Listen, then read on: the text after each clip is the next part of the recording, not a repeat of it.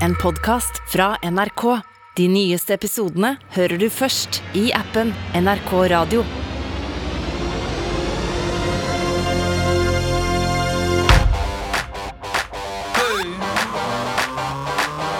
Popkorn over politikk med Sean Henrik Matheson og Gjermund Stenberg Eriksen.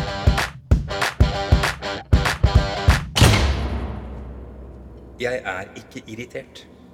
Du er, du er, du er litt irritert. Det skjønner jeg. Det er ikke irritasjon. Jeg veit du er irritert, og jeg eh, skjønner at du er det. Irritert er altfor mildt. Vi ville ikke blitt tatt om ikke du hadde altså, Jeg har ikke gjort noe. Jeg, vi har Du kødder ikke med politiet i New York. kødda ikke. Jeg bare prøvde å presisere at vi ikke har gjort noe. Det kalles å gi fornuftig for... Hysj! Det kommer noen.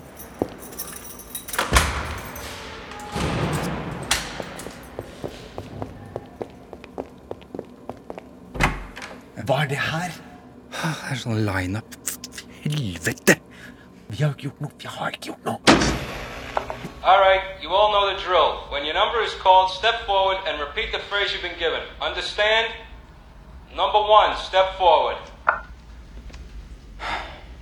Hand me the keys, you fucking cocksucker. Number two, step forward.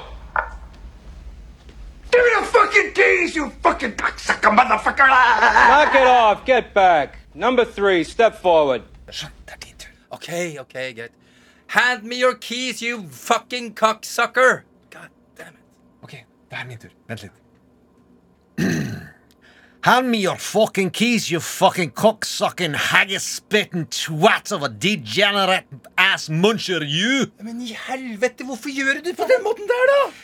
Jeg ville være skotsk. Å, gud! Vent litt, vent! Hvem er han? Kommer han? Er vi mistenkt sammen med han?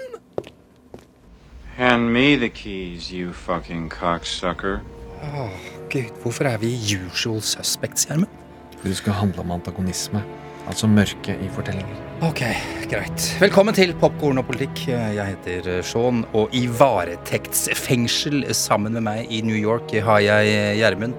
Vi skal ha ja, jo moro for så vidt, men eh, vi skal også være i mørkehjermen. Ja. Vi beholder uh, usual suspects-musikken. Antagonisme er en stor kategori, både retorikk, i drama og i politikk. Uh, det er mange former og funksjoner, og vi skal ikke ta alle. Hvis man skal ha noen enkle måter å parkere og plassere det inn i hodet sitt på, så er det jo at det er motstand. Og i den klassiske fortellingen så er det en helt, protagonist, og en skurk, antagonist. Men antagonisme er mye mer, og er hvordan all fortelling handler om å overvinne noe. Og i dag tenkte jeg å snakke om den delen av antagonisme som jeg blir veldig mye berørt av, nemlig frykt. Og jeg er ganske sensitiv. Eh, Det er noen typer fortellinger jeg ikke ser på. Jeg ser ikke på horror, f.eks. Jeg har sett to skrekkfilmer i livet mitt, og jeg har fått årevis med mareritt av det. Og det har jeg prøvd å ta lærdom av. Jeg så The Ring på kino, skrek som en jentunge, og det er siste gang jeg så en, en, en skrekkfilm. Er du redd for Satan? Nei. Hva er du redd for? Nei, jeg er bare redd for spøkelser og sånn, som kommer ut av TV-skjermen, er du redd for mordere? Eh, Nei, jeg går ikke rundt og er redd for det, men det er skummelt. Men det er ikke skrekk. Det er ikke, det er ikke skrekk og skumle spøkelser-ting. Nei. Jeg har vokst opp med tre som har begått drap.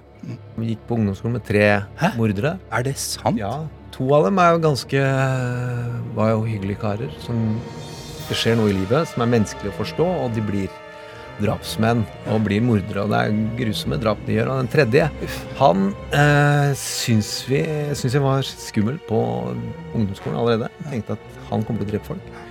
Videregående var jeg ganske sikker, og eh, han ble jo en morder. Vi skal spare historien til om hvem disse var og hvordan det var, og tenke etter om det går an å fortelle dem. Men han siste, eh, han var veldig god på frykt allerede fra ungdomsskolen av og på videregående.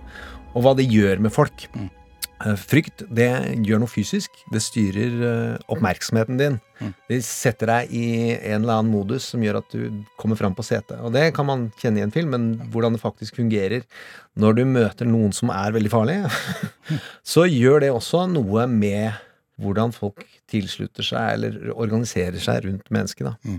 Og han han visste det. Han var uforutsigbar, han var ukontrollerbar. Han hadde en enorm vilje til å nå sine mål, og tydeligvis villig til å drepe om noen sto i veien, eller noen krenka han, i ganske ung alder. Han er død. Ja. Eh, Han ble drept av han andre morderen. Han andre morderen han knakk nesa mi sånn. I en, ganske uskyldig slåsskamp hvor jeg hadde null sjanse. Okay. Samme det. Ja. Usual Suspects bruker frykt for det ukontrollerte og den absolutte ondskapen på flere måter, og er en av de beste filmene i verden. Eh, Den er jo litt gammel nå, Gjermund, så, så alle som ikke har sett den, må bare er se 26 den. år liksom. gammel. Ja, ja, det er ja. skrevet av en fyr som heter Christopher McQuarrie, og som er en av de flinkeste forfatterne, og som bryr seg om andre forfattere, så han snakker veldig mye om sin gjerning. Mm. Eh, og han fikk da Oscar på første forsøk. Ja. Det kan man jo bli På den filmen der. Ja, det er fem fabelaktige skuespillere. Det er utrolig mange andre, og det er det man kaller en heist-film. Mm. Eh, det handler om kriminelle som blir utsatt for noe kriminelt. Mm.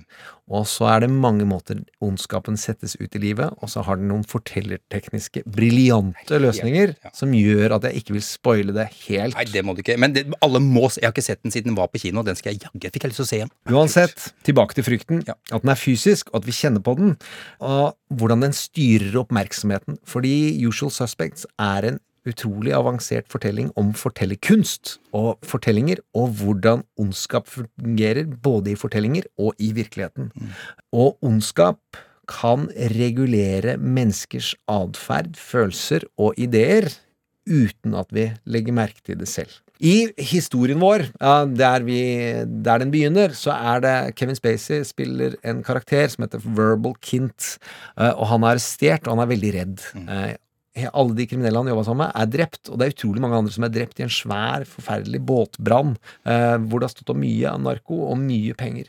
Og fortellingen handler om da hvordan disse kriminelle, som blir menneskeliggjort av at de møter en mye større ondskap enn seg selv, de blir tvunget til å jobbe for et eller annet ondt menneske som de andre, politiet og alle som jager hva som har skjedd med disse stakkars Verbal Kint og de andre, denne personen heter Kaiser Sose, og vi blir introdusert til hvordan Kaiser Sose er en form for ondskap få av oss kjenner til.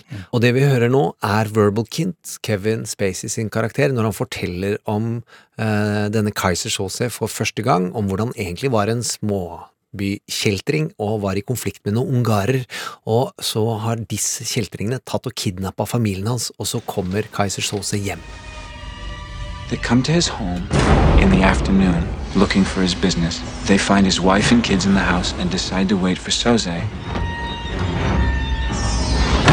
He comes home to find his wife raped and children screaming. The Hungarians knew Soze was tough, not to be trifled with, so they let him know they meant business. They tell him they want his territory, all his business. Soze looks over the faces of his family. Then he showed these men of will what will really was.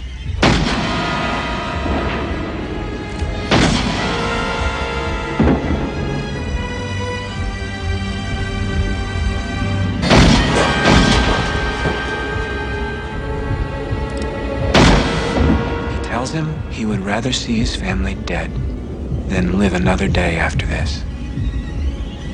He lets the last Hungarian go.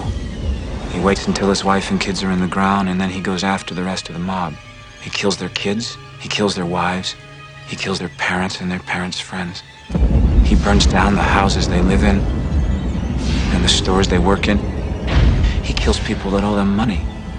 And like that, he's gone. Underground. Nobody's ever seen him since. He becomes a myth, a spook story that criminals tell their kids at night. Rat on your pop, and Kaiser Soze will get you. Så, gjennom møtet med denne absolutte ondskap i denne fortellingen, så drives vår sympati mot en gjeng kriminelle. De slåss mot Kaiser Soze. Og som forteller eh, kontrollerer du da frykten i historien. Du eh, behersker den, og så får du folk som oss til å like folk som vi vanligvis ikke skal like.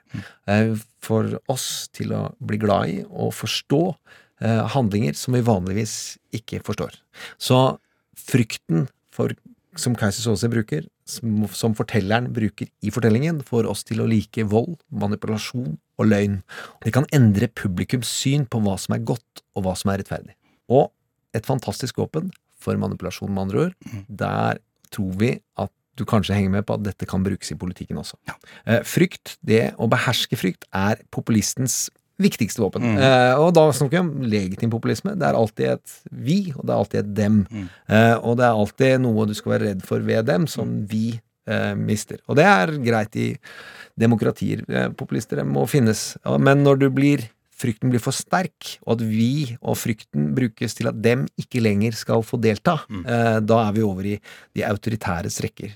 Og når de autoritære kreftene fratar dem mulighet til å være med i demokratiet, da er det ofte via løgn, manipulasjon, og det som vi har sett, eh, ender i vold. Kaiser Soze er djevelen i fortellingen, eh, som vi har hørt. Han blir framstilt som djevelen, og jeg er redd den ekte djevelen Ja. og den fiktive, og alle former for den som kommer gjennom skjermer.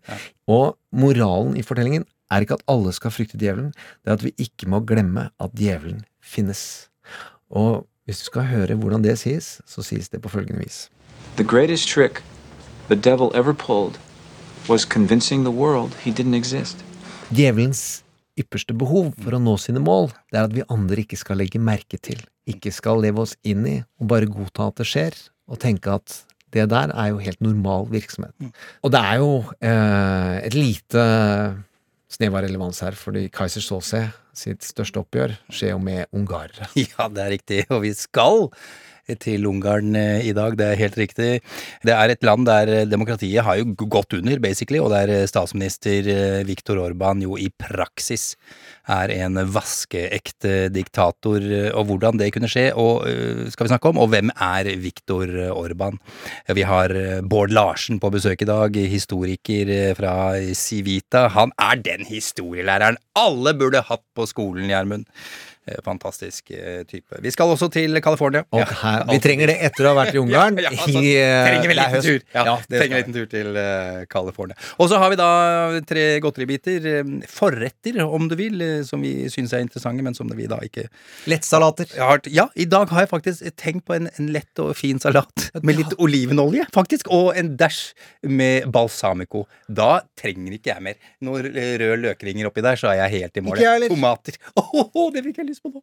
Ok. Eh, det er jo en eh, karakter i vårt univers eh, som jo aldri svikter. Aldri, aldri, aldri!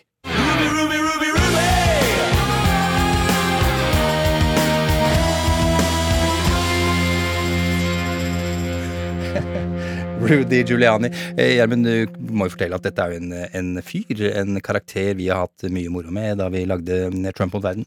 Ja, og han har da oppvist utrolig mye over mange år. Har prøvd å forestille oss verre atferd Mm. neste gang, og alltid lagt lista Mm. altfor lavt.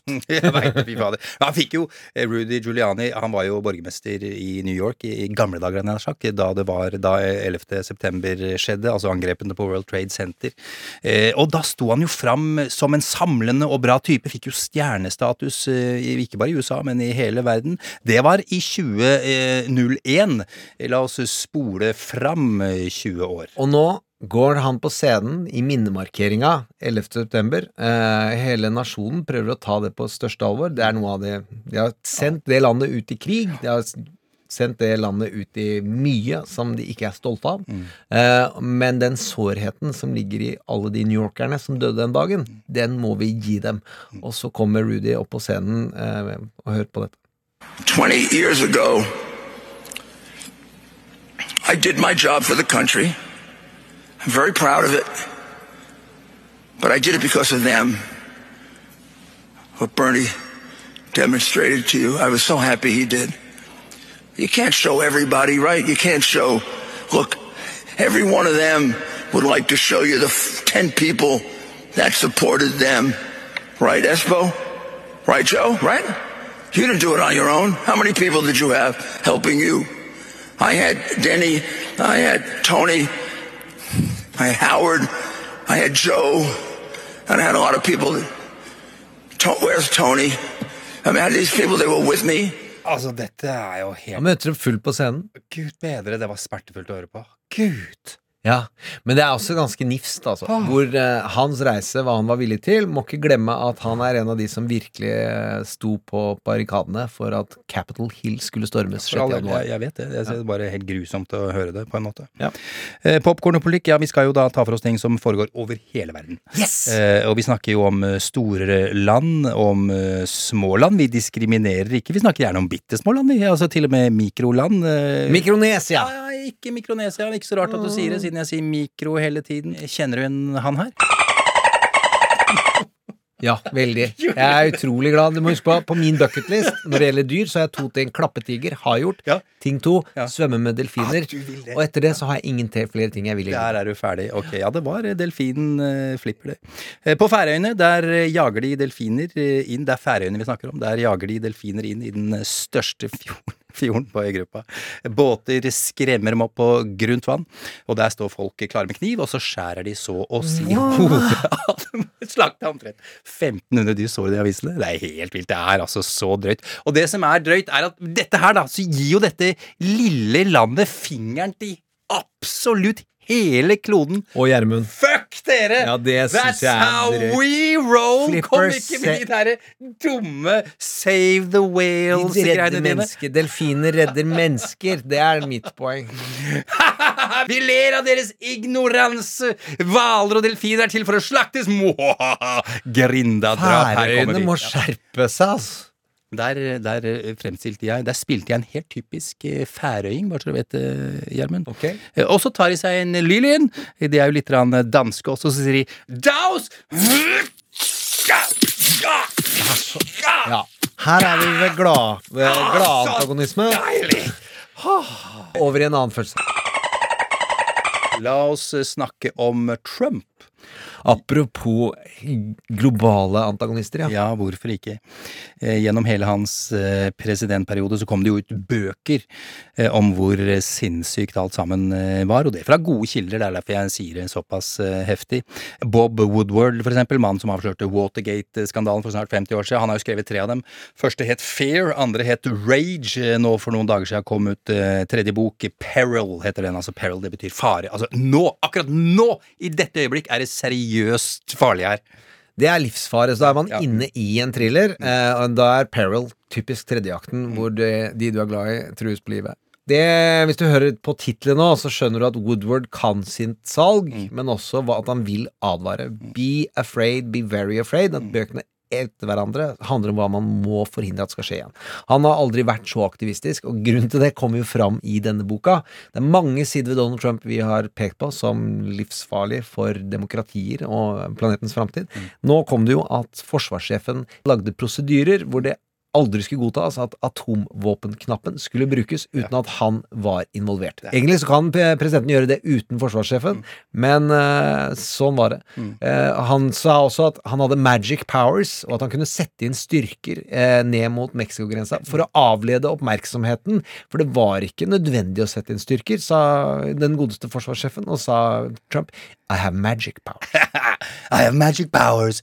Eh, og så sa han vel også Han måtte jo ringe Kina og si at hei, hei Kina, eh, i, nå er det litt eh, stressende her, men ikke vær redde dere. Vi kommer ikke til å gå til krig mot dere. Slapp Tenk deg, forsvarssjefen ringer og sier uansett hva som skjer de nærmeste ukene, så har vi ikke tenkt til å starte krig med dere.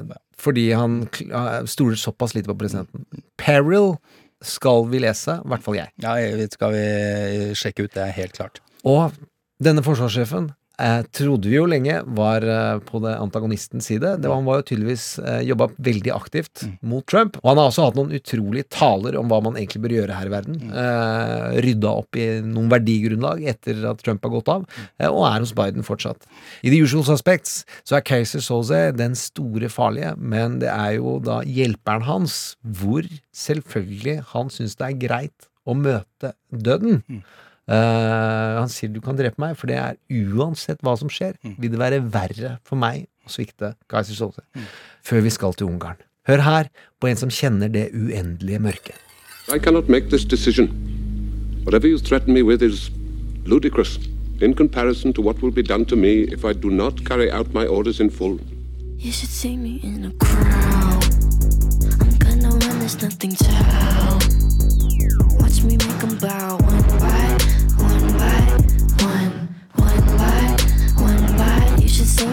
the crowd. Your silence is my favorite sound.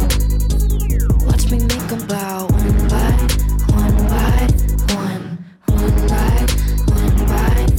Ja, eh, vi skal til Ungarn, eh, og der var jo optimismen eh, stor da, da jernteppet falt på slutten av eh, 80-tallet. Ikke bare i Ungarn, men i Europa og egentlig i hele verden.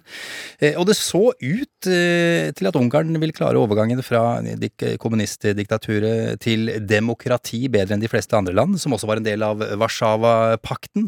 Og det har jo blitt hevdet at Ungarn fra 60-tallet allerede var det minst totalitære i østblokken, og på, på folkemunne i øst så ble Ungarn omtalt som den muntreste brakka i leiren.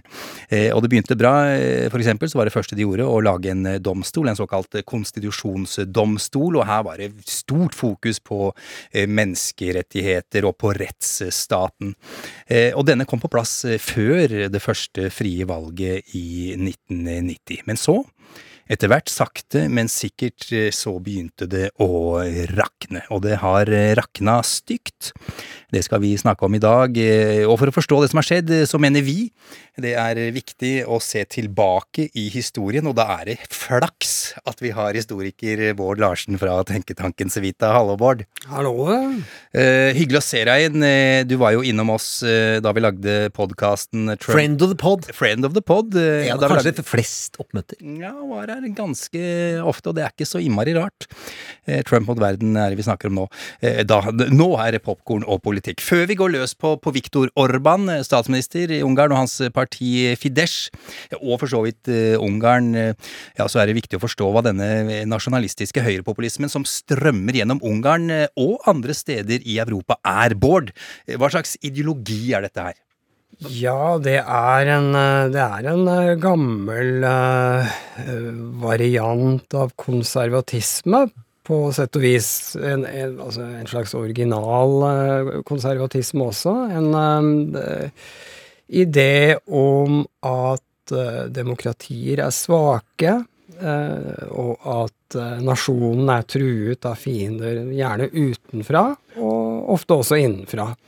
Det Den har røtter i en militaristisk tradisjon, også tro på en sterk leder, lederskikkelse, og at i bunn og grunn også, selv om det er mer variert nå, så er det en sånn idé om, om at det er en orden i hierarkier mellom mennesker. Altså en slags sånn eh, autoritær idé om at mennesker har sin plass, og den, den skal være der, den er nærmest naturgitt, da. Eh, For, altså, her har du et litt sånn beskrivende eksempel på noe som skjedde i Tyskland eh, da USA inntok landet i det var høsten eh, 1944, i byen Achenborg. Det er en anekdote. Jeg er veldig glad i anekdoter. Det er Vi elsker anekdoter her! Vi kunne het anekdoter og popkorn og politikk. Kjør på. Ja, altså dette handler om eh, at amerikanerne gikk inn i Tyskland. Det gjorde de allerede i høsten 44. Så begynte de å, å velte inn i Tyskland, og det var jo ikke så enkelt. Eh, Det amerikanerne var veldig opptatt av, var eh, den gangen også, med litt annen eh, suksess, kan man si etter hvert, det var å bygge demokrati. De mente at Tyskland måtte få et sivilsamfunn opp å gå, de måtte få økonomi opp å gå, men de måtte også få et demokratisk styresett. Så når de da gikk inn i Aachen, som var den første store byen som ble frigjort fra nazismen, så måtte de få en borgermester i den byen, og kandidaten var en som het Frans Oppenhoff. Han kom egentlig fra det katolsk-liberale partiet, som er et veldig sammensatt parti. Men de hadde også en helt åpenbar eh, autoritær fløy, som Oppenhoff tilhørte. Det, det var tre majorer som fikk ansvaret for, uh, for Aachen. Amerikanske. Bradford uh, og Padover het to av dem, og den siste het Jones. Uh, det morsomme Alltid en Jones. det er alltid en Jones. og disse to første, Bradford og Padover, de var som, det, det som blir omtalt som New Deal-demokrater. De var liberale. Og Jones han var en hardcore uh, republikaner fra Mississippi eller noe sånt. Og Bradford og Padover sa at han, Oppenhoff er ikke, han er ikke god. Eh, han er en aristokratisk uh, sjarlatan, en autoritær, eh, og også en krigsprofitør. Eh, Og Jones, som hadde det siste ordet, sa 'never mind'. Han er verken kommunist eller nazist, og da funker det for meg. Altså, og det er riktig at Oppenhoff var ikke medlem av nazipartiet, men eh, det skulle vise seg at eh, det her ikke gikk helt etter boka. Oppenhoff eh, begynte straks å kjeppjage kommunister og venstreradikale og sosialdemokrater. Han, ble jo, altså, han viste sin autoritære side utrolig raskt. Ja, og han innsatte nazister i styre og stell, og han eh, gjorde selvfølgelig ingenting for å hjelpe amerikanerne med å, å, å snuse opp eh, nazitoppen i byen. Og dette ble så ille at Saul Padover, en av disse majorene, han, han eh, sladra til amerikansk presse. Så dette her ble en sak og en sånn forsmak på hvilke problemer eh, de allierte ville få med å bygge opp demokrati i Tyskland. Men det sier også noe annet, at de reaksjonære strømningene i Tyskland, de var mye mer enn bare nazismen. Det er en lang forhistorie. Det var ikke bare, det var ikke bare kommunismen eh, og for så vidt nazismen da amerikanere og de allierte var bekymret for, men også en udemokratisk politisk kultur i Tyskland som hadde sine røtter i, i denne type nasjonalisme som du innledet med. da. Ja, og, det, og dette, er, dette har jo også røtter tilbake til Og i hvert fall i Ungarn, eh, i- til 1800-tallet. Så dette her går jo langt bak i historien, eh, Bård. Ja, det går veldig langt tilbake i historien. Jeg tror kanskje et vendepunkt på mange måter i europeisk idéhistorie var Osvald Spengler, som i 1918, tror jeg, kom med boka 'Aftenlandet', eller eh, 'Untergang des Abendslandes', tror jeg det het på tysk. Som er en sånn historie om eh, det, det moderne som kommer og, og ødelegger nasjonens sjel og det organiske nasjonsbildet. Det var også en sånn revolusjonær konservatisme som Spengler representerte, og senere kom det også en som het Carl Schmitt, som bygget videre på, på denne typen tankegang. For mange virker det jo sånn selvmotsigende at du kan være konservativ, altså bevare og være revolusjonær på den andre siden, men dette har vært et sterkt innslag i, i den konservative, autoritære bevegelsen. Som preger, eh, har preget Europa, og gjør det den dag i dag. Men eh, Klaus von Stauffenberg er også en fyr du har lyst til å eh, snakke litt om, eh, Bård. Ja, han er veldig interessant, og det er debatter, det har alltid vært mye debatt om Stauffenberg. Fortell hvem det er først. Ja. eh, Stauffenberg, det er Tom Cruise, rett og slett. Skal vi høre? Hør, hør på dette her. Hør på nå. This is treason. Right now, the reserve army is assuming control of Berlin. Are you with us or not? Do you realize what you've done? The Fuhrer is I delivered the bomb myself. I saw the blast. He is dead. Eh, Bård, eh, det er riktig. Dette er jo mannen med øyelappen. Eh, mannen som eh, skulle da eh, forsøke å drepe Hitler i i det 20. juli-attentatet 1944. Det er riktig. Kan jeg få ta fun facts først? ok, vær Han som har skrevet Valkyrie, er eh, Christopher McQuarrie. Han som har skrevet Usual Suspects. Eh, og han ble cruisevenn av dette, og lager også Mission Impossible 5, 6, 7. Eh, og var jo der og filma i Romsdalen. Det er jo Tom Cruise som spiller von Staffenberg. Det må lytteren være klar over. Mm. Han er blitt fremstilt som en helt, denne Stauffenberg. Ja, Stauffenberg er jo en helt på mange måter, å prøve å knerte Hitler i 1944. Hadde jo, Det er populært. Det er populært, og det hadde jo eh, Vi hadde sluppet en del eh, problemer eh, med det, men det som er interessant, er å se på Stauffenberg Den valkyrie som filmen heter, og som da dette er komplottet kalte seg, det var egentlig et eh, Det, det var et militærkupp. Eh, Og, og motstanden mot Hitler i kretsen, offiserkretsen rundt Stauffenberg var ikke primært at de var så demokrater, det var det at de var eh, mente at Hitler var en katastrofe for Tyskland, en militær eventyrer som eh, satte Tyskland i vanry og, og gjorde at Tyskland til slutt ville tape krigen, og med det også tape terreng. Det som var Stauffenbergs ideologi, hvis man kan si det sånn, det var en, eh, en autoritær militarisme. Eh, og hvis de hadde fått gjennomført et kupp i Tyskland, som selvfølgelig hadde vært mye bedre enn Hitler, så hadde det på ingen måte, tror jeg i hvert fall, blitt en demokratisk stat. Vi ville tilbake til det prøyssiske systemet, og, og dette var altså eh, dypt, dypt, dypt konservative mennesker som helt sikkert hadde lest sin mm. Osvald Spengler, for å si det sånn. Mm. Og dette eh, fører jo til eh, en karakter som heter Miklos Horthy, som var riksforstander i Ungarn fra 1920 til 1944, som jo også er et eksempel på en nasjonalistisk reaksjonær er leder, og som er viktig å vite om eh, for å forstå hvordan Ungarn er i dag, eh, Bård. Ja, for, for disse her militaristiske nasjonalistene, de var jo overalt i Europa. Ja, dette var jo etter altså, de, disse, disse oppsto jo på en måte, da, kan du si. Selv om det er kontinuitet her, så, så fikk, blomstret jo de etter første verdenskrig, hvor, eh, hvor imperiene falt, og det ble tegnet opp landekart.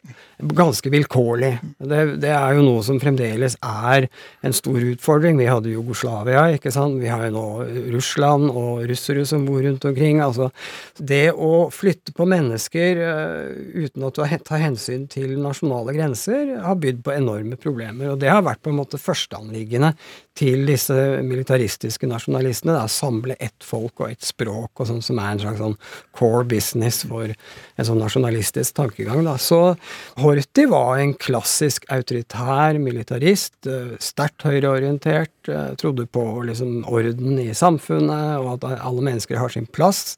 Eh, det var veldig langt fra en sånn klassetenking. Eller det var for så vidt klassetenking, men klasse var en nat naturgitt, nærmest.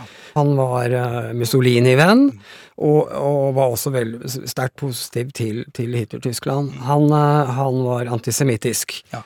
Og når uh, krigen kom, så ble jo Ungarn en slags, ikke direkte alliert med Tyskland, men en, en venn av Tyskland. Hadde jo en slags samarbeidsavtale. samarbeidsavtale De drepte ja. utrolig mye jøder med egne hender. 600 000, var ikke det, Bård, som uh... Ja, men uh, jødeforfølge... Altså, han prøvde å finne en utvei for Ungarn, blant annet ved å, mm. å snakke med russerne, og ble avsatt. Og da kom da fascistene, altså de ordentlige, ekte fascistene. Men de var ungarere, de også? De var ungarere. Og de drepte mange mange jøder selv. De drepte mange jøder selv, og det, da er vi også tilbake til uh, Ungarn i dag, for det å rippe opp i den historien Dette var jo pilkorsorden som var liksom, dominerende fascistisk kraft eh, etter, etter, etter Horthy. Dette er ting som er veldig upopulært å fortelle i Ungarn. Vi må huske at Horthy er på en måte en slags sånn nasjonalhelt for Fidesz, partiet til Orban. Ja. Det er han de nå prøver å trekke fram.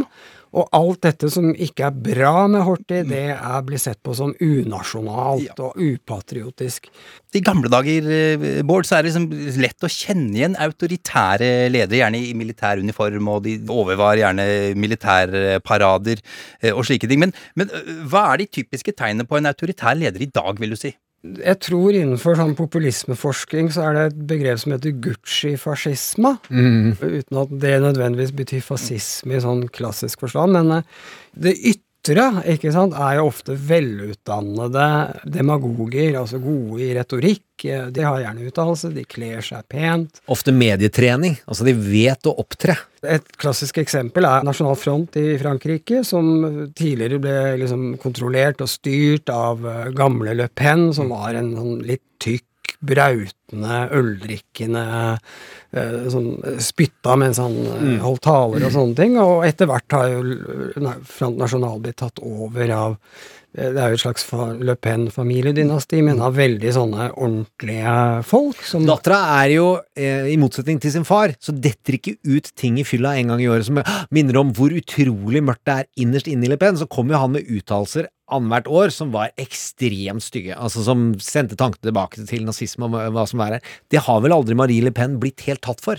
Hun er et klassisk eksempel på at de på en måte har fått orden i rekkene og er mindre vulgære og brautende. Det er jo det ytre, men hvordan man kan kjenne igjen denne typen uh, høyrepopulisme på, som jo er en slags radikal høyrepopulisme, mm. Det er mistro til alt som kommer utenifra av mm. politiske ideer, og selvfølgelig også av, av, folk, da. Det er en mistro til parlamentene, til demokratiet, og det er det jeg ofte kaller for en sånn idé om kampen mot klokka. Altså kampen mot utviklingen. Og det de ser på som en trussel, er både modernitet, det er globalisering, det er innvandring. Mm. De har demografien mot seg ofte. Altså De vet at på et eller annet tidspunkt vil deres idé komme i skvis, i mindretall, mm. fordi at befolkningen forandrer seg mer enn de politiske ideene de har. Mm. Og derfor så vil de gå til angrep på institusjonene i det liberale demokratiet, mm. altså sørge for at de faktisk kan mm. preppe seg for en tilværelse i mindretall. da. Klokka, jeg liker, uh, liker, den metaforen utrolig godt. Hvem er det som styrer klokka? Så der kommer jo en av de hovedfiendene de angriper om og om igjen. Deg, Bård, akademia og pressen. det er jo de som kontrollerer og forteller hvordan tiden går framover. Ja. Eh, Så det å holde det tilbake og ta kontroll over de som forteller om at moderniteten er her, den gjør noe bra for deg, det må de få kontroll på. Og nå snakker du jo egentlig om Ungarn. Ja, vi, vi må nesten koste på oss litt uh, ungarsk uh, nasjonalisme i musikkform, eh, og, og litt mer Kobayashi. Mr. Sauzet rarely works with the same people for very long, and they never know who they're working for. One cannot be betrayed if one has no people. Popcorn og politikk.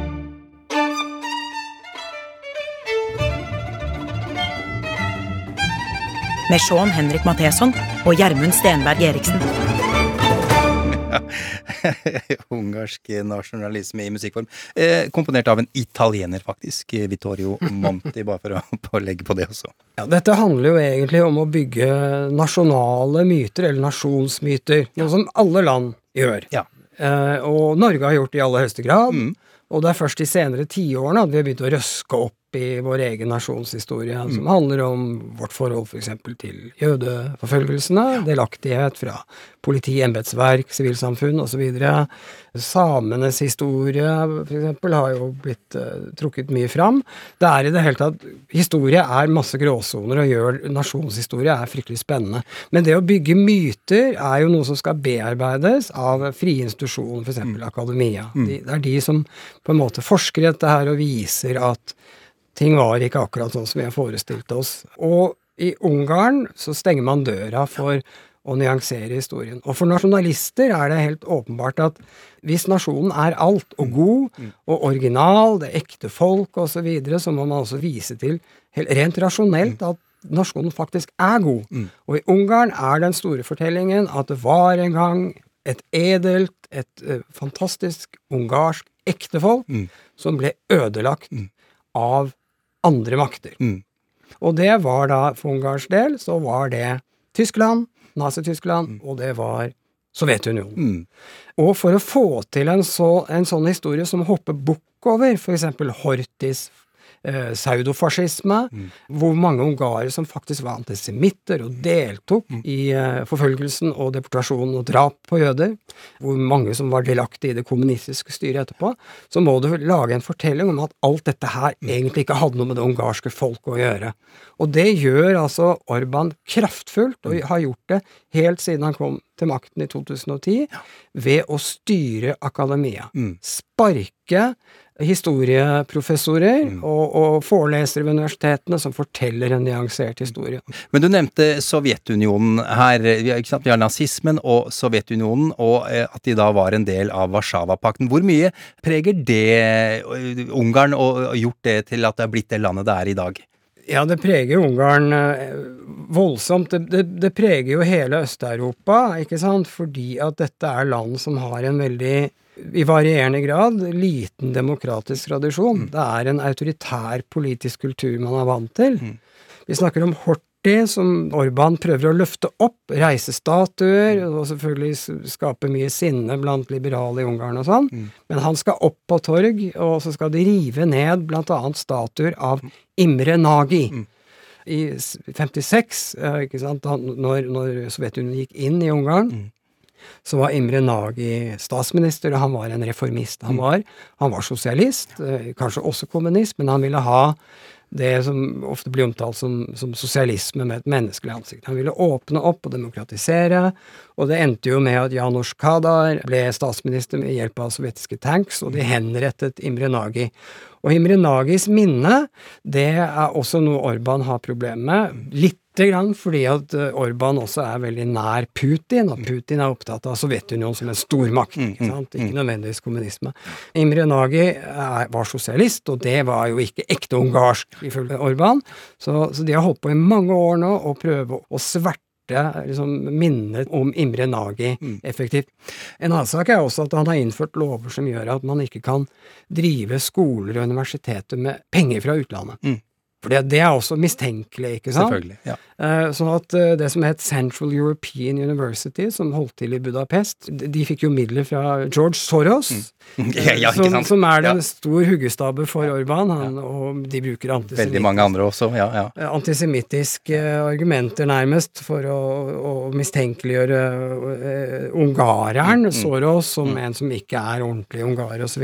Og, og jøden er på en måte den ultimate fremmede, Mm, ikke sant? Ikke bare at han er fremmed, eller hun, det er at eh, dette er, noe som undergraver og driver på, sånn som Soros, ikke sant? Steinrike folk fra utenfra som prøver å bygge ned liksom det, det ærlige Ungarn, da. Du har jo snakket om eh, konservatisme i dag, så vidt det er du har nevnt det i hvert fall, eh, Bård. Og vi snakker jo ofte om en historiker her i, i Popkorn og politikk ved navn Ann Applebaum, journalist og forfatter. Og hun, i likhet med deg, Bård, snakker jo om konservatisme i krise. Hva mener dere med det? det, vi mener det vi har prata om i dag. Du vet, etter krigen, det er noe som jeg har holdt på ganske mye med, så var det veldig mye sånn eksplisitte autoritære strømninger på venstresiden. De var veldig synlige fordi at de støttet Noen støttet Sovjetunionen, andre var ambivalente at best. Dette var veldig lett å kritisere, mens den konservative bevegelsen den lå litt sånn stille, også fordi at økonomi gikk bra. Det var lite konfliktstoff, i hvert fall i Vest-Europa. Nå må vi snakke om Vest-Europa. De, de konservative i, i mellomkrigstiden de var delvis da dypt reaksjonære, men de var også veldig antikommunistiske og mente at hvis kommunismen var en trussel, så kunne, måtte vi svare med samme mynt. Det var ikke så nøye med demokrati. Det har dukket opp igjen eh, de senere årene. Eh, nå er det ikke kommunismen som er fienden, men det er andre typer modernitet. da. Det er eh, globalisering, innvandring, eliter osv. osv. Og og mye av dette handler om makt, selvfølgelig, og det vi snakket om i stad, som handler om kampen mot klokka.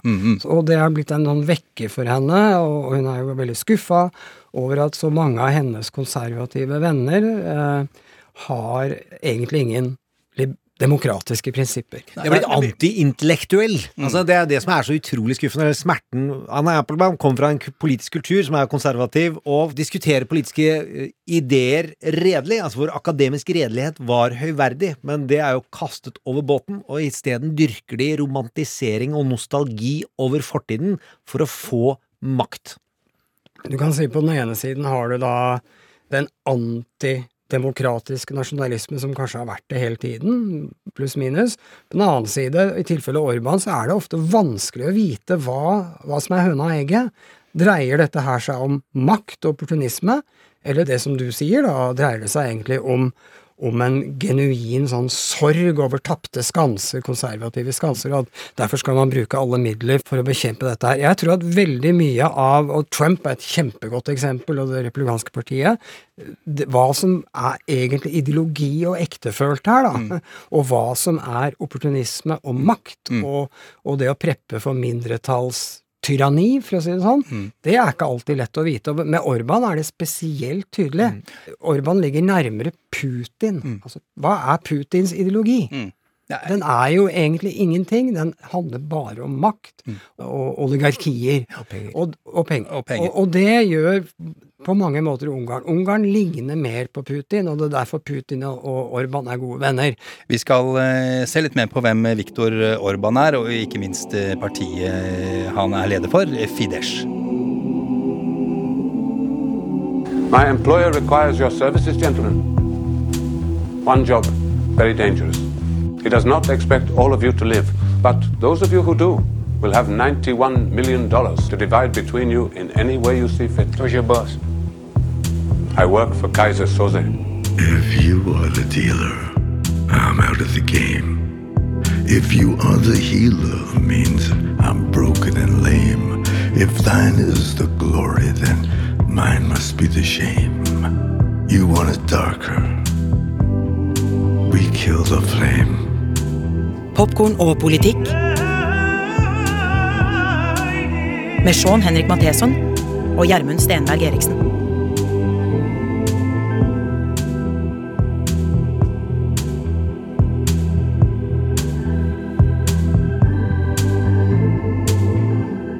Det var valget i 2010 som var eh, avgjørende for slik det er eh, i dag.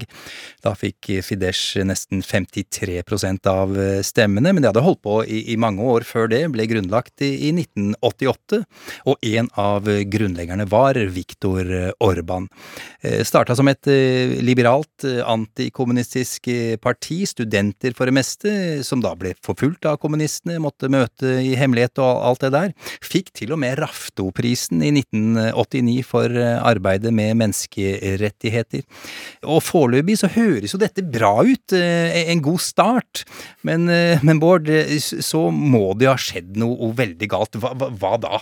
Orban ble jo statsminister første gang i 1998, hvis ikke jeg husker feil. Jo, det stemmer. Ja, han satt til 2002, Mm. og da gikk det på snørra for uh, Fidesz, og de tapte for venstresiden, som ble sittende i åtte år, og det var et tap som Orban aldri kom over. Han var meget bitter, og han dro hele leksa om valgfusk og eliter og konspirasjoner. Og da var det også sånn at venstresida ikke er ekte ungarere. Da kommer vi tilbake til det, ikke sant? Ja, da er vi tilbake til det. Ja, ja. De, de vil selge landet til uh, krefter ja.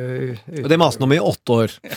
Det maste han, og brukte alt som finnes i verktøykassa, og ble mer og mer uh, sint. Uh, særlig når da venstresiden satt to perioder. Det må jo sies også at uh, østeuropeisk politikk det er ikke noen enkeltsak. Eh, det var ikke bare gull og grønne skoger med venstresiden heller. Men, men han ble tiltagende autoritær i retorikken. Som går på at eh, I, I, I will fix it. Ja, I will I fix alone will fix it. Og en global finanskrise i ryggen, slik at det var sant at det gikk dårlig for de fleste her i verden. Ja. Hva konkret var det Orban og Fidesz gjorde etter dette valget, Bård? Ja, altså i 2010 så var det et valgskred for Orban, og de fikk to tredeles flertall i parlamentet. Og det satte døra åpen for å endre det som heter to tredjedelslovere i det ungarske parlamentet, og også grunnloven, da. Så da gjorde de som alle autoritære, moderne autoritære gjør, de flikket på mm, institusjonene i, i den liberale maktoppbyggingen, sånn at de mer direkte kunne både sikre framtidig makt, men gjennomføre sine egne reformer på, uten å ta hensyn til det som er standard prosedyre i et liberalt demokrati, hvor du må gjennom flere omganger i parlamentet, og du må ha to tredjedels flertall. Han senket da kravet, selvfølgelig, til å kunne innføre nye, nye lover og forordninger. Han eh, gikk ganske umiddelbart også løs på mediebildet i, i Ungarn. Han var veldig opptatt av eh, at mediene eh, hadde vært på venstresidens eh, parti eh, i de åtte årene som hadde gått, eh, og var bitter på mediene. Det er også noe vi hører ganske mye fra andre tilsvarende hold. Eh, han eh, innførte en lov om balansert eh, mediedekning. Mm. noe, noe for så vidt en del av oss på høyresiden ofte skulle ønske at det var. Skal ikke gå gjennom Kristin Clemets kritikk av NRK gjennom tidene, men ja. lista er lang. Men jeg tror vi kan skille ganske kraftig mellom synspunkter og anmodninger og, og generell mediekritikk, og det å lovfeste hvordan nyheter skal presenteres i forhold til den balansen som Orban selvfølgelig da mente var upatriotisk. Og det er det som er gjennomgående, at i demokratier så har vi en idé om at vi ikke skal politisere institusjoner. Altså, du skal, skal ikke sette dine egne i alle viktige posisjoner, for da får du sånn bukken og havresekken som kjennetegner tiltagende autoritære. Og det gjorde Orban i, på alle nivåer. I, Orban sier jo rett ut at han vil ha et illiberalt demokrati. Som som er liksom rart å si høyt, på en måte, eller er, er ikke det, Bård? Ja, men logikken er jo at uh, disse liberale demokratiene, der har jo ikke folket reell makt, ikke sant? Jeg har lyst til å være litt stygg og si at det er lite grann sånn som du kan høre fra ytre venstre også.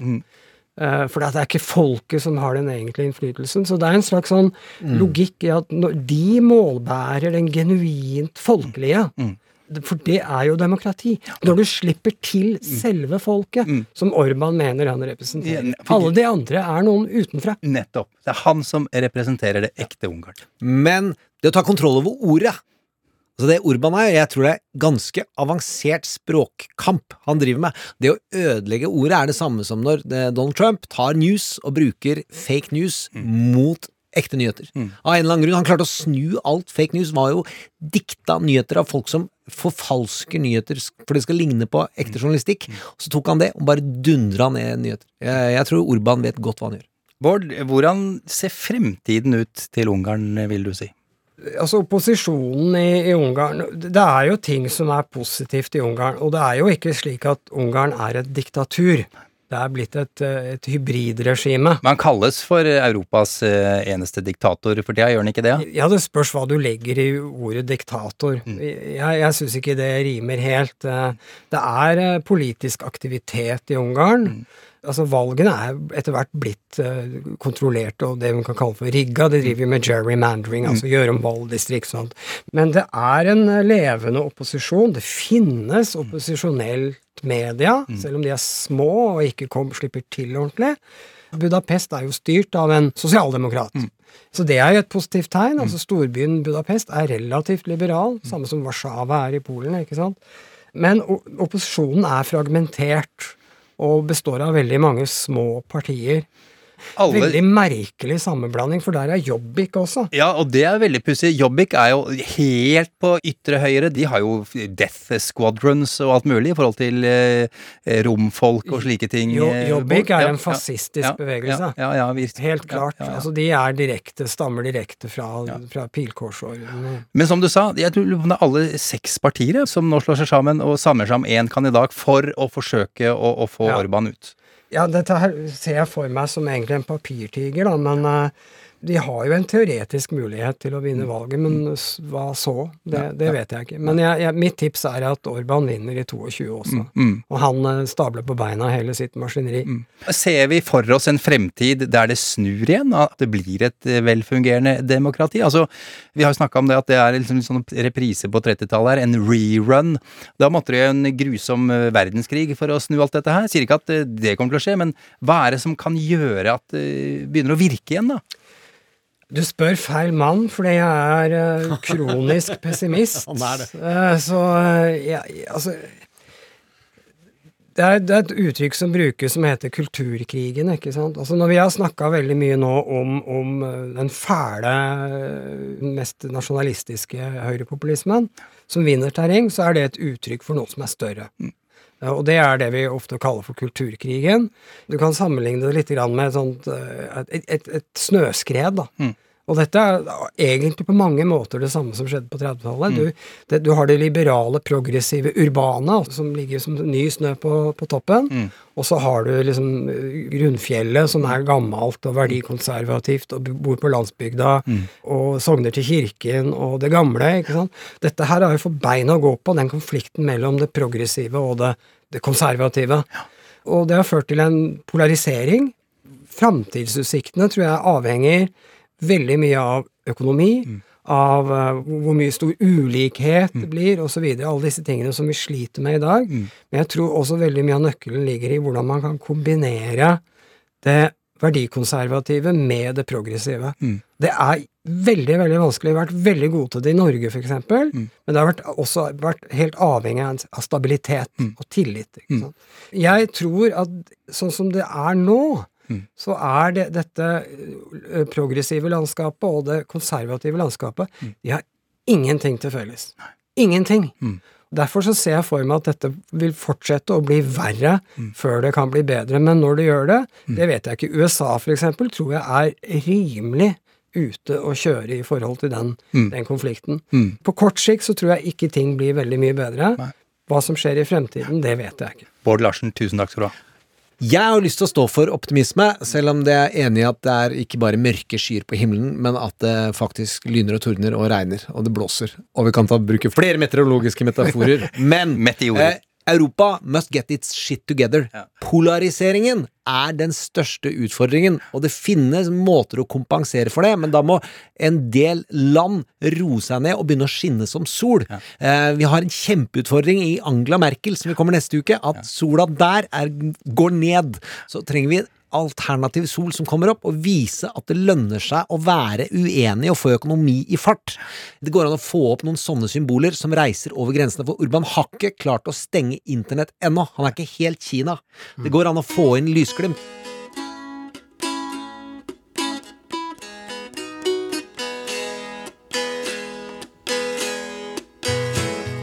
Sitting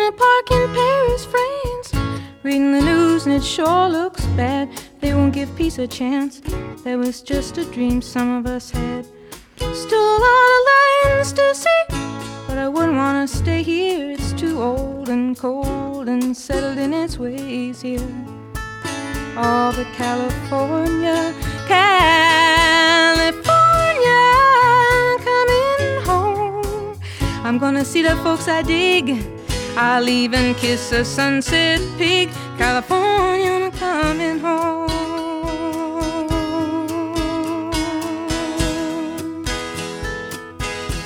Oi, oi, oi, Joni Mitchell eh, med låta 'California'. Du har tårer i øynene, Det kommer Jermen. på første gang stemmen kommer, bare, så er tårene Fra dette albumet Blue, som jo blir feiret i år for sitt 50-årsjubileum. Tirsdag 14. september denne uka her, eh, altså sist tirsdag, eh, gjorde staten eh, California noe som bare har blitt gjort tre ganger før i USAs historie. De gjennomførte et såkalt recall election på sin guvernør, et omvalg. Rett og slett. eh, Demokraten Gavin Newsom vant eh, guvernørvalget i 2018. Han knuste sin eh, republikanske motstander med nesten 62% av stemmene. Og han hadde nok tenkt, naturlig nok, at nå sitter han trygt i hvert fall i en periode. Altså fire år. Den gang ei. California er en av 19 stater som tillater folket å be om omvalg. Det gjøres ved en underskriftskampanje. Hvis flere enn 12% av alle som deltok ved sist valg, skriver under på at de har, vil ha omvalg, ja, så blir det sånn. Gjermund, eh, en litt pussig ordning, eh, vil jeg si, men eh, bare for å si det med en gang, eh, Gavin Newsom fikk jo fornyet eh, tillit. Eh, Hva, hva tenker du om denne ordningen? Det er jo en advarsel om eh, direkte demokratiets farer. Eh, at hvis du setter ut til stem midlertidige stemninger, og eh, den eh, lista er for lav til at hvem som helst kan dra i gang et omvalg, Mm. da får man ikke kontinuitet. Det har ikke skjedd så mye i California, men det har jo skjedd en gang tidligere, 2003. Da kom Arnold Schwarzenegger! og da var det en helt annen situasjon, hvor misnøyen var mye større, og så var veldig mange redd for at pandemien hadde skapt en tilsvarende misnøye som i 2003. Men da hadde guvernøren i California kødda med bensinprisene sånn skikkelig, og bilprisene, altså bilskatt. Eh, og da var det en fabelaktig strateg, Mike Murphy, som er i Hacks on Tap, som var hovedrådgiver for Arnold Schwarzenegger, og så ble han guvernør, og da husker jeg jeg tenkte Skal dere ha Arnold Schwarzenegger? Han ble veldig flink. Ja, han han gjorde det utrolig Ja, bra. det. Han fikk rydda opp økonomi og korrupsjon og alt sånt. Det skjedde ikke nå. Det så veldig stygt ut for Gavin en stund, men nå vant han jo med en god margin. Ja, det var en, eh, forresten en sheriff i, i Sacramento som satte i gang årets, eh, årets eh, recall eh, election. Eh, Han synes at eh, Newsom er altfor lite opptatt av eh, ulovlig innvandring, det var for høye skatter, for mange hjemløse osv. Må si noe eh, for å gi litt farge og smak på Gavin Newsom. Jeg har alltid tenkt at han skulle bli president, allerede når han var borgermester i San Francisco. Han er helt usannsynlig sånn amerikansk såpeoperakjekk. Ja, han han Han er skikkelig såpeoperakjekk, skikkelig såpeoperastemmekjekk. Eh, og han står for utrolig liberale demokratiske verdier. Altså, men så har han gått mot sentrum fra San Francisco, og den tiden så har han da en utfordring med at han kjenner jo Camela Harris ganske godt. Ja. De kommer fra samme sted. Kampen i 2024 det er den som har endret seg litt med Gavin Newsoms nå plutselige heltestatus igjen. For nå har Biden vært nødt til å reise dit og holde Se så fin Gavin Newsom er! Og så har eh, Kamala har også vært Kreti og. Pleti, Ja, ja, Kreti Kamala. og Pleti av eh, øverste demokratiske eh, Men, men sier du at disse to er litt, ikke fiender, det mente jeg ikke å si i det hele tatt, men de rivaler om, om 2024? Det er som oss og podkasten. Vi, vi skjønner jo at de er der, vi respekterer at de er der, men vi har lyst til å være mye, mye større enn dem. I de andre podkastene? Ikke alle, ja. Det er ikke alle vi slår. Vi slår ikke Frimi-spøkelsene Nei, og den type folk. Nei, du. Eh, eh, du nevnte det nå for så vidt. Eh, det å bli og være guvernør er jo ofte veien til å bli president. Har, eh, du vil si at Newsom har de ambisjonene? Ja, Det er det aldri vært noe tvil om i hvordan han ter seg. Det som har vært modig, er at han har stått for eh, liberal politikk som aldri en president på den tiden før Barack Obama ble valgt, men også under Obama, stått for utrolig liberale verdier hele veien. Eh, så har man tenkt at California har ikke mulighet til å vinne igjen. Der mener jeg at Vinne igjen hva da? vinne presidentskapet etter Ja, at Ronald ja, Reagan eh, kom fra California Ja. eh, og ble president, så går ikke at man skal klare å presentere seg som sentrist, eh, som demokrat som har ledet California.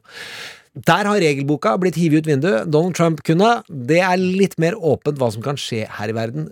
Både Mike Murphy og David Axelrod mente, mener at Gavin Newsom har styrka seg, og at Kamala Harris hun må passe seg. Hun må dra på litt, og igjen så refererer du til eh, disse gutta som er tidligere politiske rådgivere, men nå også uh, har en podkast som er veldig fin. Ja, Tax on Tap og David Axelrod han var eh, sjefstrategen til Barack Obama og er den mannen i amerikansk politisk historie som har hatt mest rett i strategiske vurderinger, analyser, i real time.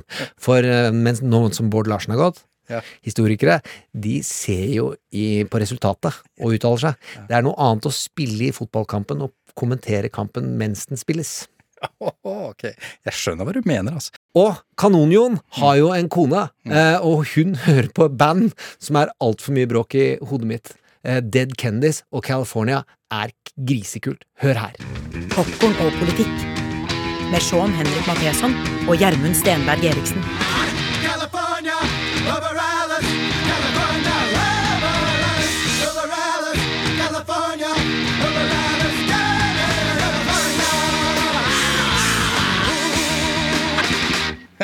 Hørte du det lille varselet om at det kommer Tyskland neste Ja. uke? For det er valg i Tyskland neste uke. Valg i Tyskland 26. september, eh, et par-tre dager etter at eh, vi har da en ny episode av Popkorn og politikk neste fredag. Da blir det Tyskland. Eh, Gjermund, vi må vel be folket om en tjeneste. Vi må be dem dele. Ja, og det foregår denne uken som følger. Dersom du tar inn en nyhetssending, så er det et varsel til deg via vår høyrepopulistiske autoritære beskjedstemme. Du må løpe rundt og sende til alle dine mobilkontakter. Hør gjerne på Popkorn og politikk, og så kan du gå videre i livet. Man kan sende en fellesmelding, eh, selvfølgelig. Til alle på mobilen. Det Det har jeg aldri, aldri gjort. Kan man Ah. det? Det hørtes skummelt ut. så Jeg håper aldri jeg gjør Gjør det! Det må du gjøre. Og e-post og alt mulig. Og så er det en ting til Facebook-sida vår. Ja, Eh, løp inn, kom inn der og finn oss, eh, for der kommer vi til å si adjø. Noen har bestemt i NRK at vi ikke skal drifte en Facebook-side. Helt greit. Dere kan finne meg på Facebook. Jeg legger ut ting om politikk og popkorn og politikk, og jeg kommer fortsatt til å legge ut episodene. Mm. NRK men NRK-sida blir lagt ned på mandag. Vi tar en liten adjø for de som har vært der. Mm. Legger ut noen bilder som vi hadde tenkt å kose oss med, med masse sverd og Alt mulig. ja, får vi, Jeg kan fortsette å legge ut sånt. Du er jo veldig god til å være på Facebook. Jeg er veldig dårlig til å være på Facebook. Så Det det er er, fint at du, det, er, så det er bra at du tar den oppgaven. Jeg, sosiale medier er ikke min greie. Eh, Men ok, eh, vi skal til Tyskland neste uke, som vi har nevnt. Eh, og ja, skal vi minne om da at det er gode krefter i Tyskland eh, som Kan det hende at vi skal miste dem nå? Orker ikke. Ja, Og med det så syns jeg vi bare skal minnes hva Verbal Kint sier. The greatest trick the devil ever pulled was convincing the world he didn't exist. Det største trikset er at det ikke synes. Og med det så tenker jeg på Tyskland og hva som vi kan miste der, og hva det er å være glad i. eh, Og bruken av frykt, som vi snakket litt om. Ikke glem at det handler om identitet. At det er et oss mot dem, og at kreftene som ønsker å demontere demokratiet, trenger den frykten. Jeg tror vi skal legge på den thrillermusikken igjen, eh, for å minne folk på at dette handler om identitet og frykt. At det er et oss mot dem. Og at kreftene som ønsker å demontere demokratiet, de trenger den frykten. Eh, fordi det samler, det underkaster, og det mobiliserer. Et redd jeg, et virkelig redd jeg, trenger et vi. Du trenger å slippe å være alene når du er sånn redd. Og den samlende effekten, samholdet som frykt kan skape, det så vi på Capitol Hill eh, 6. januar, når de, kongressen i USA ble stormet. Angrep på demokratiet. Det handla alltid om frykten for hva du skal tape. Tilbake til det Bård sa, ikke sant? nostalgi, hva du er glad i, fortid, identitet. Jeg syns vi skal høre Bush, hvordan han snakket om dette. And we have seen growing evidence that the dangers to our country can come not only across borders, but from violence that gathers within. There is little cultural overlap between violent extremists abroad and violent extremists at home. But in their disdain for pluralism, in their disregard for human life, in their determination to defile national symbols, they are children of the same foul spirit, and it is our continuing duty to confront them. Det at George Bush nå maner eksplisitt til kamp mot the enemies within, det at man blir angrepet innenfra av sine egne, de som spiller på frykt og konspirasjonsteorier, tap og løgn Neste uke skal vi blant annet til Tyskland, og vi skal snakke om høyreradikale og høyreekstremes bruk av eh, frykt og konspirasjonsteorier. Og det å spille på frykt for tap av identitet Vi må forstå den følelsen. The greatest trick the devil ever pulled. Det vi må forstå, er hvordan bruker folk følelse av tap for å mobilisere. Eh, Jeg har laga en serie om det å miste brødre. Og jeg har to brødre som jeg, jeg kan ikke miste noen av dem. Jeg er like glad i dem som jeg er glad i mamma og pappa, og det har vi snakka om før, at de forguder jeg. Mm. Eh, og det kraftige båndet der eh, er ekstremt viktig for å forstå hvordan jeg er komponert. Og det å forstå den type bånd, hvordan tap former atferd, følelsen former atferd, det syns jeg vi skal leve oss inn i gjennom Jonas Alaska sin sang, som er en av de sterkeste eh, sanger om det å miste broren sin.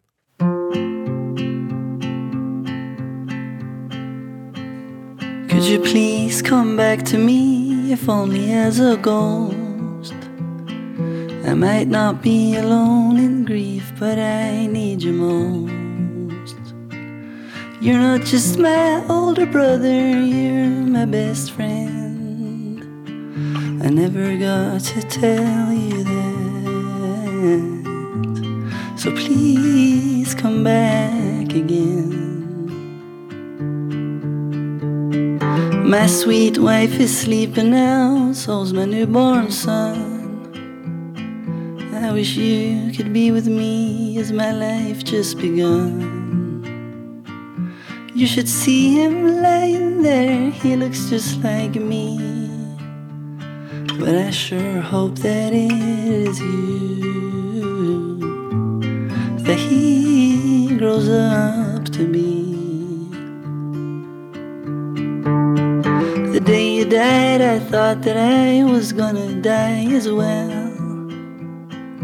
Everything was shaking and my life turned to hell. I'm telling you, I'm happy that a son was born to me. But sometimes I can't bear the thought that you're not here to see. Mama, Pops, the rest of the bunch, and all our good friends too. We're riding on a swimming horse, and we still talk of you. But in the night when I'm alone, I think about before.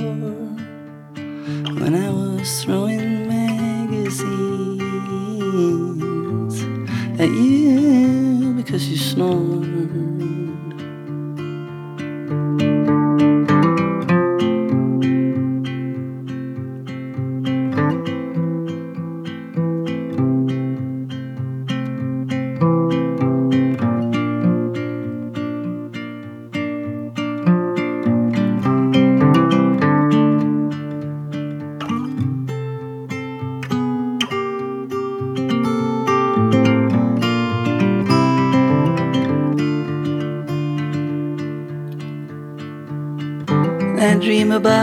Arguments, I dream about our love. I can't stand people telling me you're watching from above. It's giving me no comfort thinking God's now your host. Cause I'm the one who needs you here. If only as a Du har hørt en podkast NRK. De nyeste episodene og alle radiokanalene hører du i appen NRK Radio. Major Strasser has been shot.